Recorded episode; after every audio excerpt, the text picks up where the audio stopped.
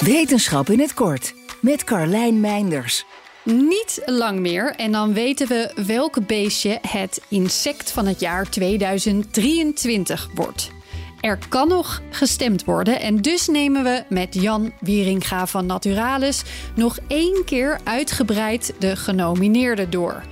Maar voor we deze vijf pareltjes uit het dierenrijk in de spotlight zetten, waarom is zo'n wedstrijd eigenlijk nodig? Veel insecten hebben nou, een slecht imago.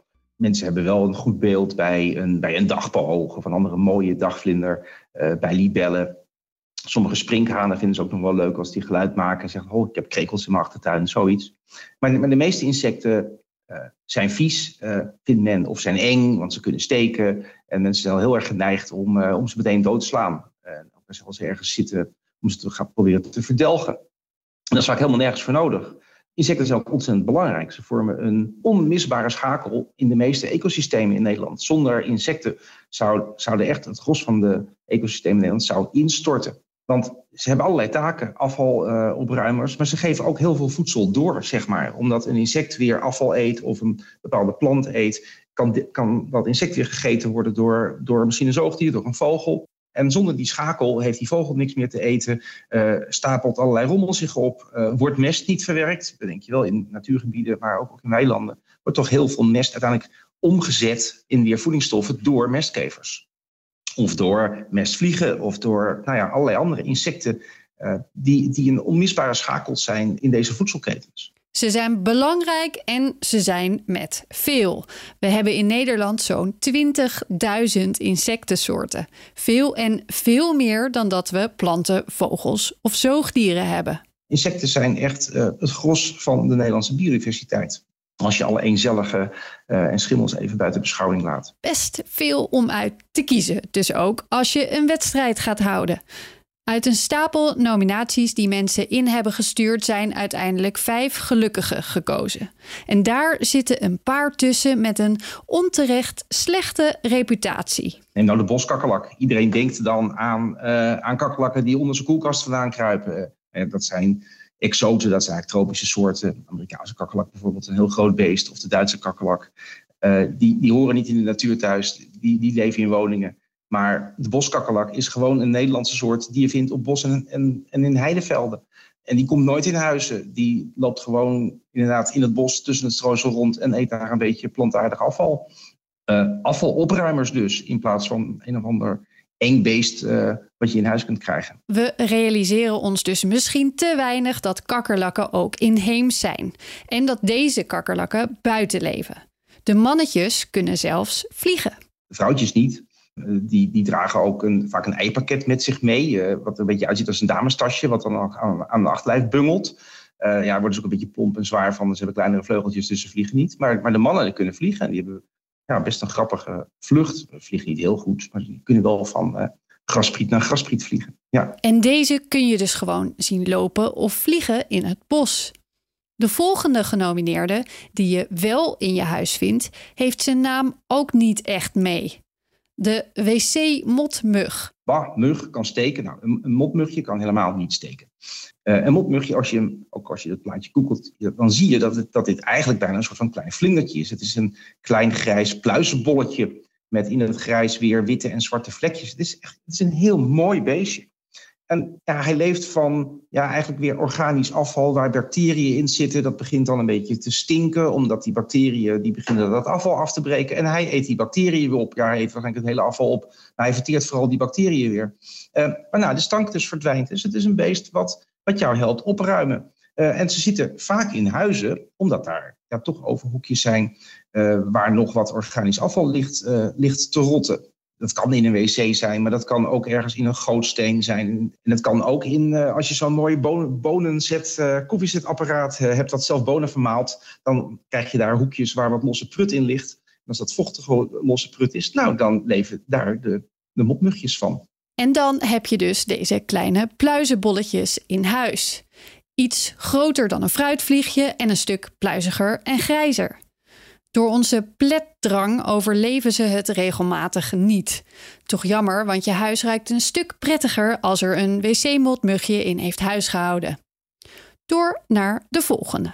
laten we maar echt de meest bizarre van het lijstje erbij pakken. De beverkever. Die stond bij deze verkiezing uh, lange tijd uh, helemaal onderaan, bungelde die. Maar hij is nu aan het stijgen. Hij heeft nu uh, heeft één plaatsje opgeschoven, staat op de vierde plek vanochtend, hoorde ik van de tussenstand. Ja, de beverkever. Zo, zoals de naam zegt, is het een kever. maar het is zo'n bizar beest dat toen hij um, in de vorige eeuw, trouwens, in de 19e eeuw ontdekt werd. Deze soort is ontdekt in Nederland, in de dierentuin. Namelijk in de dierentuin vonden ze dat in de pels van een bever een raar beest zat. En dat bleek, ja, dit zijn, ze dachten dat het een rare flow was. Dus ze hebben het beschreven als een nieuw soort flow. Maar dan eentje die in de verkeerde richting plat was. Dat hadden ze wel door. Ja, het was dus ook geen flow. Het, was een, een, ja, een, een heel vreemd geëvalueerde kever. Die alleen maar in huiden, in pelzen dus, van bevers leeft. En we weten niet eens exact wat hij nou eet. Uh, we denken niet dat hij bloed zuigt. Uh, dus het is niet echt, het is geen parasiet. Maar misschien eet hij afvallende huidschilfers of eet hij het vet wat in die beverhuiden zit. Of misschien allebei wel. Uh, dat moet eigenlijk dus nodig keer onderzocht worden. Maar ja, kom er eens aan die kevers, moet je dus eerst een bever vangen. Dus het is niet echt zo een, een beest wat je zomaar even 1, 2, 3 tegenkomt. ik heb ze ook alleen maar in de collectie gezien. Ik heb ze nog nooit in levende lijf aangetroffen. Het wordt al moeilijk kiezen, hè? En we hebben er nog twee, waaronder het goudoogje. Als volwassen beest is dat, is, is dat een heel mooi, gracieus ja, insect. Het, is, het is een gaasvlieg. En gaasvliegen zijn geen vliegen. Het is een aparte orde. Maar ook uh, de mierenleeuwen bij horen en ja, wasgaasvliegen. En, en als je naar, naar, naar Zuid-Europa gaat, heb je daar nog andere hele mooie beesten die daarbij horen. Die dan wel je bastaardlibellen of vlinderhaften worden genoemd. Maar het zijn geen libellen, geen haften en ook geen vlinders. Het is een eigen orde, de gaasvliegen. En, ja, en gaas, gaasvliegen zijn dus hele mooie beesten. Maar hun, hun larven, dat zijn eigenlijk kleine monstertjes. Die zijn helemaal niet mooi en, en, lopen over bladeren rond. Hebben een soort van, alsof het een, als het een arts is met een stethoscoop. Uh, maar maar die, met die twee, twee punten van die stethoscoop, het zijn dus kromme tangen. Die kan hij in een bladjuis jassen, een scherpe punt. Maar die stethoscoop is wel hol. Uh, en dan kan hij hem dus direct leegzuigen. Dus hij heeft een soort van kaken waarmee hij een beest meteen in de tang neemt, letterlijk. En dan via die tang uh, hem ook leegzuigt. Dus hij verorbert bladluizen niet echt, hij zuigt ze gewoon leeg. En dan kan hij echt behoorlijke hoeveelheden bladluizen mee, uh, mee ja, verorberen op zijn manier. En het is zelfs zo'n rover dat goudoogjes hun eieren op stokjes moeten leggen. Want anders zou het allereerste ei wat uitkwam, zou meteen alle andere eieren eh, opeten. Maar omdat ze op een stokje zitten, komt hij daar alleen maar stokjes tegen. Dus die, die eet hij dan niet op. Dus eigenlijk om, om een, een, ja, een, een nieuw goudoogje te beschermen tegen, tegen zijn broertjes en zusjes, liggen de eieren op stokjes. Mooie naam, mooi als ze groot zijn, maar lichtelijk vijandig nageslacht dus. Het laatste plekje op de lijst is voor de gewone tweevleugel. Ja, dat is een, een eendagsvlieg of een haft. En eendagsvliegen heten zo omdat uh, de volwassen dieren niet zo lang leven. De larven die worden bijna een jaar oud, die, die ja, worden als ei gelegd en die leven bijna een jaar in het water. En dan komen ze dus na bijna dat jaar komen ze het water uit. En dat is dan wel weer heel vreemd. Uh, iets wat alleen haften doen. Daar komt een volledig gevleugeld insect uit. En normaal gesproken, als je een volledig gevleugeld insect ziet, is dat een volwassen beest.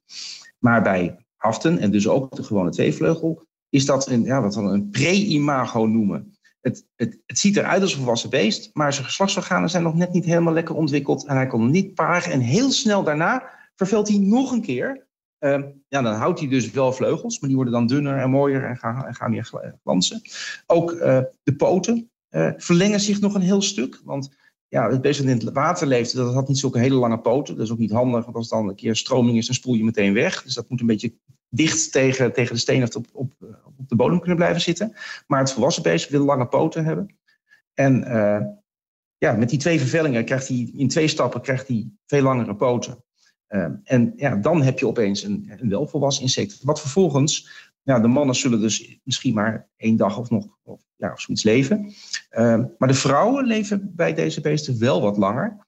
En dat is dan wel weer bijzonder aan de gewone tweevleugel. Dat de vrouwtjes de eieren eigenlijk in het lichaam laten afrijpen. En pas als de eieren rijp zijn, dan gaat ze die boven het water uh, laten vallen. En zodra die, die eieren het water raken, zeg maar een paar seconden later, komen ze al uit. Exploderende eieren. Geweldig.